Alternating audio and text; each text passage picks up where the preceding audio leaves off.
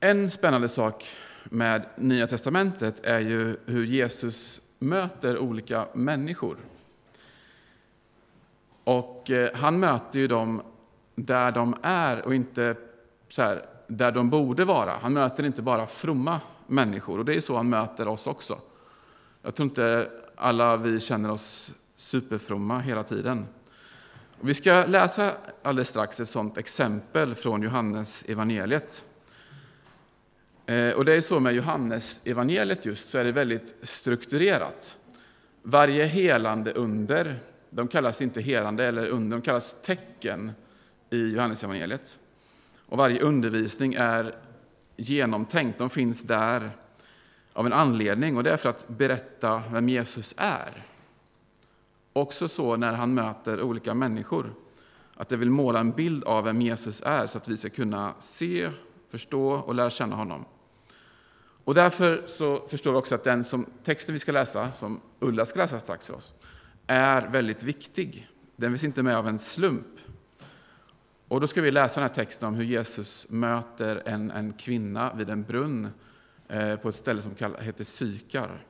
Från Johannes 4 och 1.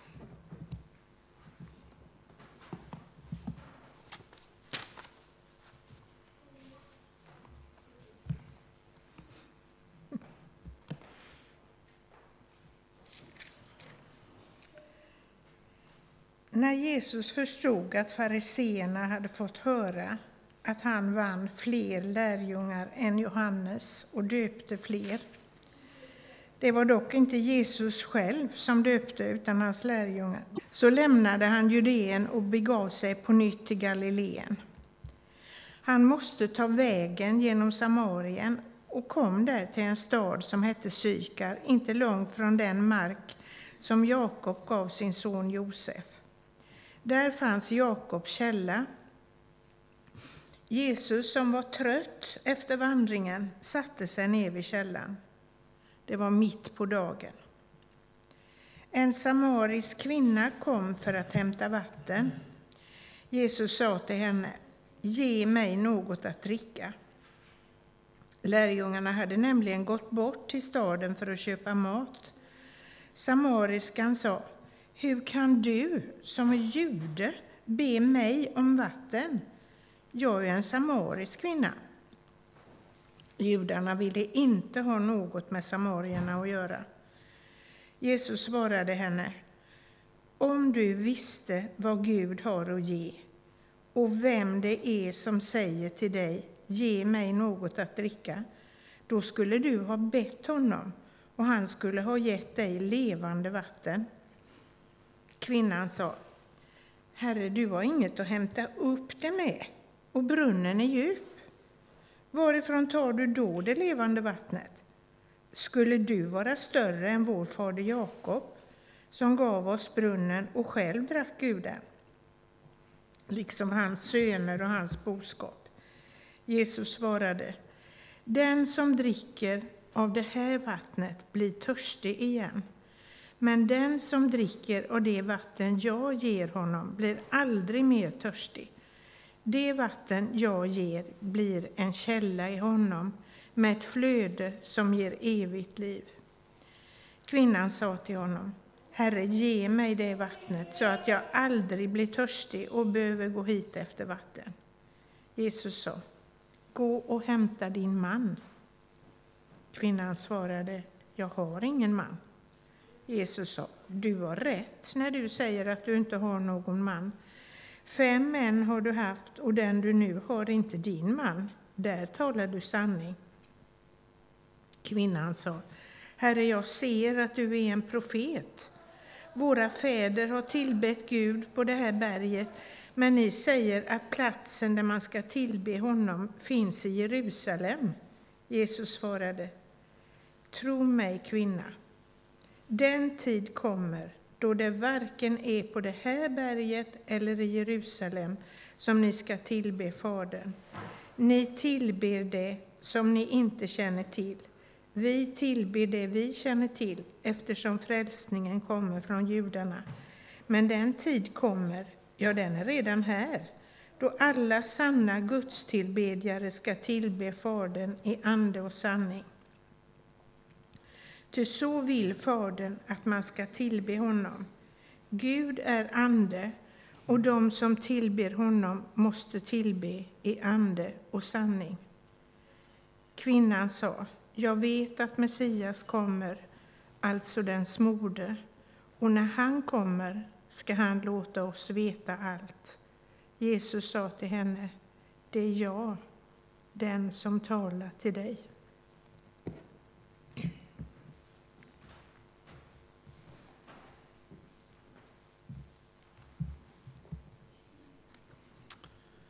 Tack Ulla. Det är ju en lite längre text det här och man behöver läsa den som den är i sitt sammanhang. Det är en berättelse. Vi ska återkomma till den alldeles strax. Jag ska börja en annan vinkel. Eh, det finns ju många sådana här gör om-program, gör om mig eller gör om vårt hus-program. Eh, och de är ganska populära. Det finns ju gör om en person, utseende eller renovera ett hus. Ni kanske vet. Och varför är sådana här program populära? Jag tror att det finns olika skäl. Dels handlar det om underhållning.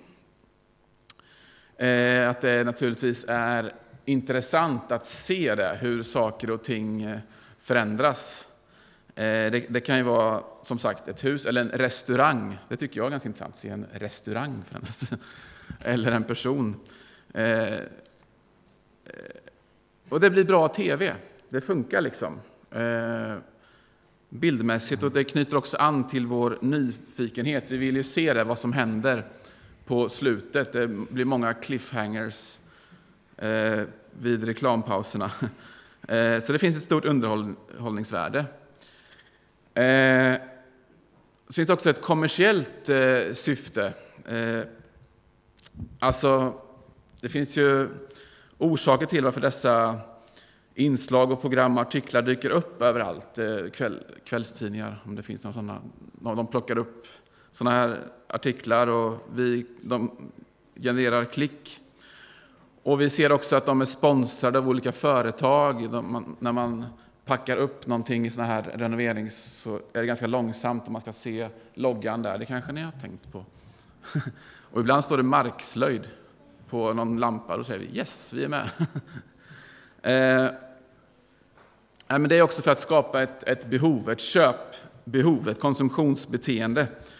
När det, vi, ska, ett ideal, vi ska se en ideal över hur det borde se ut. Eller hur, hur man borde äta, hur jag själv borde se ut eller borde bo.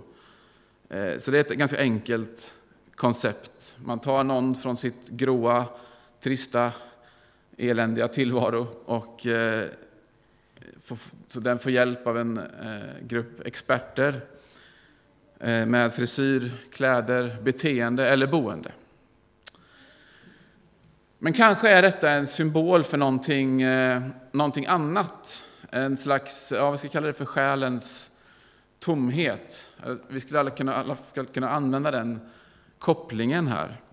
Att eh, någonstans inom oss så finns det någonting som anar att ja, men allt är inte som det borde vara med oss. Eh, att det ekar någonting inom oss. Ja, men gör om mig, jag behöver bli förändrad. Och där möter vi henne, i, i, i, det, i den tomheten på något sätt. Kvinnan vid brunnen vars liv förändras. Och den här bilden, den här texten som vi läste, innehåller tre olika delar. Vi ska se, jag hittade en bild. Ja, precis. En, det är en ikon som är ganska, vad, vad säger man, stiliserad. Eh, och det är ju tre olika beståndsdelar i den, i den bilden. Det är Jesus, det är kvinnan och det är brunnen. Så att predikan kommer handla om de tre olika sakerna. Vi börjar med, med brunnen. Det är ju själva mötesplatsen, men också en, en symbol. Och när vi gifte oss för eh, länge sedan så fick vi... jo, jag vet när vi gifte oss. Eh, men vi fick en tavla av församlingen vi var med i då, i Örebro, som var av Bengt Johansson som föreställde en, en, en brunn. Eller ett brunnslock med en sån här gammal, gammaldags brunn. Jag har den uppe på, vi har den uppe på kontoret här faktiskt. Eh, är det någon som har en sån hemma som man pumpar? Nej. Jag tänkte att Bengt skulle ha en sån. Nej. Ja, då vet du. Vi hade en sån i vår gamla sommarstuga när jag växte upp. Ja, då fick man pumpa så här.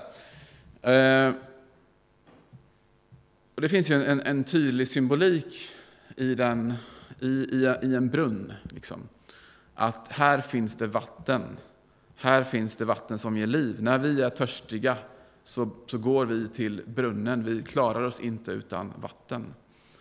Och en, säkert en varm dag, det var mitt på dagen, så gick den här kvinnan till, till brunnen. Och vi får fundera, vem, var går vi med vår törst och vår längtan efter törst efter livsmening och trygghet? För på något sätt så handlar den här brunnen om, om vår längtan. Vår längtan efter något är kanske det som vi ibland bara kan formulera, eller som människor som känner en tomhet kan formulera. Ja, men jag, har en, jag känner en tomhet, längtan efter något. Och ytterst så vet vi att det är Gud, det är Jesus. Men kvinnan gick alltså för att dricka och fylla sin kruka med vatten. Det var hennes törst, kanske eh, hon behövde hämta det till sina barn eller så. Och be, behovet av vatten för att leva. Och om igen så får vi rikta det till oss. Vad, vad törstar vi efter? Vad törstar jag efter? Vad törstar du efter? Vad behöver du i ditt liv? Att du är här idag är också ett tecken på din, på din längtan att få möta Gud, att få ta emot honom i ditt liv. Och Jesus sa så här till några människor som han mötte, kom och följ mig. Det sa han till sina blivande lärjungar. Han avkrävde inte en färdig trosbekännelse där som de inte kunde stå för i början. Alltså, man måste inte kunna redogöra intellektuellt för sin tro till punkt och pricka. Men han säger istället, vad är det viktigaste? Jo, det är att följa mig. En bit på vägen. Se och undersök själv. Och det får vi göra. Vi får följa honom till, till brunnen, den, den plats där törsten och behovet leder oss. Eh, och kanske är det så att om vi låter vår innersta längtan leda oss, ja, men då för den oss till Gud. Men kanske behöver vi hjälpa varandra att se det. Kanske behöver vi hjälpa andra människor att se det, att det är det som behövs. Eh, att den här, det finns nedlagt i vårt innersta sedan skapelsen. En längtan till skaparen. Så mitt i den här bilden så, så står det en brunn. Eh, det är symbol för vår längtan, så vi tar med oss det. Sen har vi kvinnan. Och på något sätt så är det så att vid brunnen så, så möter hon sig själv. Och hon gör det i några få ord. Och det är när Jesus säger, fem män har du haft och den du har nu är inte din egen. Det är ganska tuffa ord att höra säkert. Vi förstår ju då att hon har sökt kärleken. Hon har kanske gått från famn till famn. Lösa förbindelser eller krossade förhoppningar och minnen som är kanske fulla av, av skam. Och då som så många av oss andra när, i den situationen när liksom ljuset avslöjar oss så försöker hon dölja det genom att eh, börja prata med Jesus på lite fromt intellektuellt sätt. Och hon tar upp ett, ett gammalt tvisteämne, en, en, en debatt som handlar om var ska jag tillbe Gud? Var ska man tillbe Gud? Är det på det berget, eller hur var det nu? Eh, men vad gör Jesus då? Han, men han för tillbaka samtalet på det som är viktigt. Jag vet inte om du har varit i en sån samtal någon gång som blir en diskussion. Ofta blir det en diskussion om saker som man kanske tycker ja, men det där är inte det viktigaste för min tro. Om det fanns dinosaurier eller inte. Eller om alltså vad, vad som hände exakt i skapelsen eller så. Utan man, vi tänker, man för tillbaka det till det som är viktigt. Jesus, min erfarenhet av tron. Eh, och det gör Jesus. Hur eller var du tillber Gud, det är, det är inte viktigt, säger han. Utan det viktiga är din, din ärlighet, ditt uppsåt. Och då blir det som att kvinnan inte längre kan, kan fly, utan hon måste se sanningen om, om sig själv och sitt, och sitt liv. Jag vet inte om ni kommer ihåg en av USAs gamla presidenter, Bill Clinton. Eh, det gör ni säkert. Och han var en gång i en intervju om sin, efter sin presidenttid om, om, om sin tid som, som president. Och nästan hela samtalet kom att handla om det här äktenskapsbrottet som, ja, som han gjorde. Och det, det låg som en skugga över samtalet. Och, och han berättade att han kom till en punkt där han var tvungen att berätta det här för sin fru och säga som det var. Och då sa hans fru att ja, men när du har sagt det till mig så måste du också gå och berätta det här för din dotter. Och då grät han, världens då mäktigaste man. Och just de dagarna så förde han, han krig, han, han bombade Usama bin Ladens träningsläger. Så på något sätt, han var inte rädd för att konfrontera terrorister, men han var rädd för att möta sin egen dotter och berätta om sin svag, sin, sanningen om sin egen svaghet. Och om vi riktar det här till oss själva så får vi fundera, men vågar, vågar, jag, vågar du och jag möta sanningen om oss själva? Vågar vi se vilka vi verkligen är? Och Bibeln uttrycker det på ett ganska kärvt sätt från Romarbrevet 3.23. Alla har syndat och gått miste om härligheten från Gud. Alltså, vi sitter i samma båt. Ingen människa är Jesus, utan alla, vi behöver alla en extreme makeover, fast på insidan. Vi behöver låta Gud, Guds ande, förvandla oss. Ofta handlar ju synden om en själviskhet. Vi tänker mer på oss själva än på andra. Och vi har så lätt för att eh, gå till attack istället för att förlåta varandra. Och vi kanske brister i empati och medkänsla. Och sådana där saker som vi behöver hantera. Och mitt i det så, så, så, så kan det, vi tappa bort Gud. Precis som män, den första, de första människorna så försöker vi gömma oss för honom. Därför att vi inte vågar möta sanningen om oss själva. Och istället kanske vi polerar på vår yta, att vi tror att Gud kan se det fromma. Det som syns utåt blir viktigast. I första Petrus 3, 3-4 så står det Er prydnad ska inte vara något utvärtes, håruppsättningar, guldsmycken och fina kläder utan den inre, dolda människan med sitt oförgängliga smycke, ett milt och stilla sinnelag. Det är dyrbart i Guds ögon.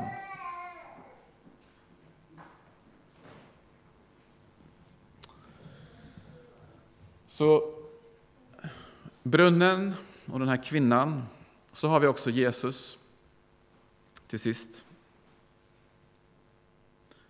För hans närvaro förändrar ju den här kvinnans liv. Det är ju så. För det är inte den här teoretiska kunskapen utan det är den egna erfarenheten av Gud som förändrar, eller faktiskt förvandlar oss. Och kvinnan sa ju så här till Jesus, han har sagt mig allt jag gjort. Och vad, vad menar hon med det? Jo, han känner mig. Han känner mig. Och det är ju en insikt som på något sätt, när den trillar ner i våra hjärtan så, så, så, så gör den att vi kan lyfta våra huvuden och ett, ett ljus tänds i oss. Han, min skapare, känner mig. Alltså då, då blir den här bilden som att den, den handlar inte bara om någonting som hände där och då, utan den handlar om mig, om, om, om min törst och längtan. Om jag vågar följa den så kanske jag kommer till en plats där Gud har stämt möte med mig, utan att jag visste det. Och inser att han, han ger mig både mod, han ger mig mod att möta mig själv och möta honom. Och det blir som en ny insikt som går upp över mitt liv. Lite som när solen går upp. Vi hade, eller Daniel nämnde här hur man kan möta Gud i naturen. Ja, men solen som stiger upp över en nattsvart horisont en tidig morgon och då blir allting ett, i ett nytt ljus. Precis så är det när man kommer på det här, liksom, att ja, men han, han känner mig. Han som har skapat det här. Den som dricker ur den som dricker det vatten som jag ger, säger Jesus, blir en källa i honom med ett, med ett flöde som ger evigt liv.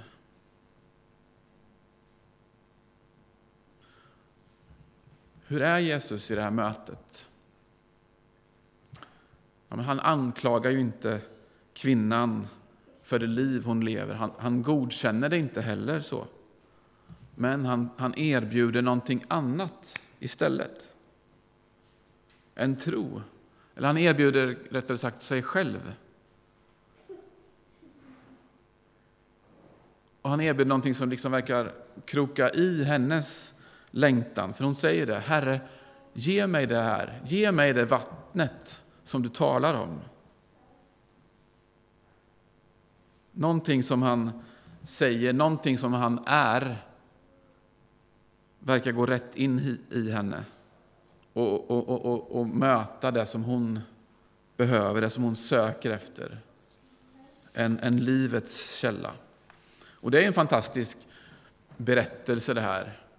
Och det är, jag tror det är en text som många återvänder till och ett exempel man, man tittar på. Kvinnan vid, Jesus och kvinnan vid Sykars brunn. För det är, det, det är fantastiskt att höra och se människor som hittar hem.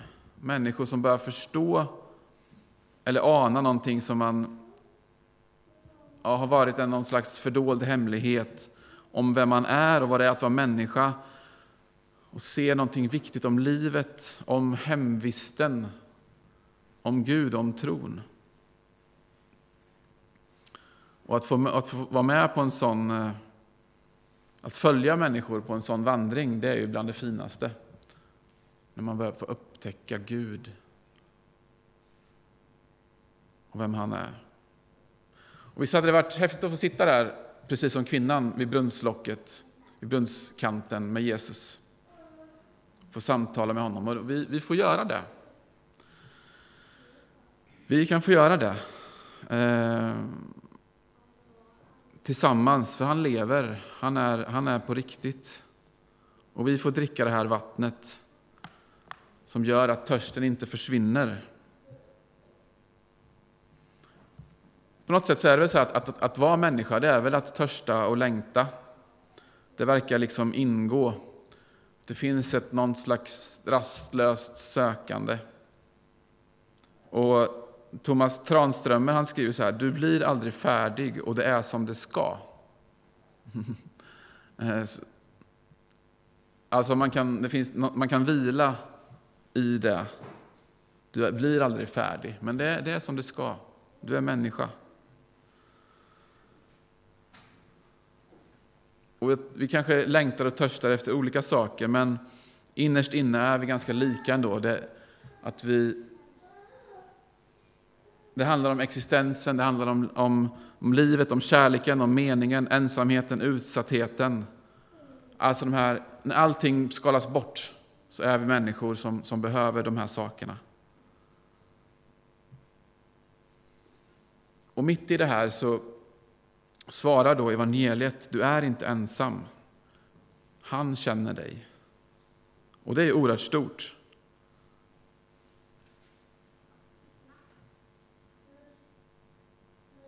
Du är inte ensam, det finns någon som känner dig och vill möta dig. Precis det fick Jesus säga till den här kvinnan. Och kanske skulle vi be den här bönen idag. Gud, gör om mig. Alltså be det till Gud. Gör om mig. För det är möjligt att förvandlas i hans närhet och det behöver vi göra, även vi som har varit kristna i 40 år. Behöver göra det. Förändra mig till din likhet, Jesus. Samtidigt så är det viktigt att inte se sig själv som en eländig, bara som en eländig syndare eller ett trasigt renoveringsobjekt. Liksom. Utan eh, någonstans behöver vi också få hitta vilan. Och jag tror att den djupaste vilan ligger i just den här insikten av att ja, men han, han känner mig. Han vill bära mig. Och när vi går till den här källan så är det han som möter mig och lyssnar till mig. Och jag får ta emot hans förlåtande ord och förvandlande kraft. I Psaltaren 36 står det, ty hos dig är livets källa, i ditt ljus ser vi ljus. Vi sjunger så också i en sång. Hos dig är livets källa, i ditt ljus ser vi ljus. En annan översättning, du är en springbrunn där ljus flödar fram. Då får man en annan bild. Men du och jag får komma dit. Vi får komma idag, men också alla andra dagar i veckan. Att vara kristen är att ha en vardagstro där relationen byggs till, till Jesus byggs i vardagen. Där får vi sitta vid brunnslocket och han vill möta oss där. Amen. Tack Gud att du vill möta oss var och en. Jag ber att de här, som kanske för många av oss är kända ord och ett känt budskap, ändå får landa i oss, Gud. Att du själv, Jesus, får landa i våra liv.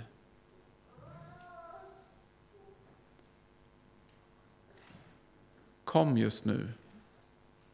Möt oss. Gör om mig, gör om oss. Fyll oss med din heliga Andes kraft. Vi behöver dig. Vi ber om det, Herre. Tack att du är här just nu. Tack att vi får rikta oss mot dig, men du riktar framför allt din kärlek mot oss den här stunden. Och du är oss nära just nu och när vi sen går hem och går ut i vår vardag så är du oss nära. Vi tackar dig för det. Kom Jesus.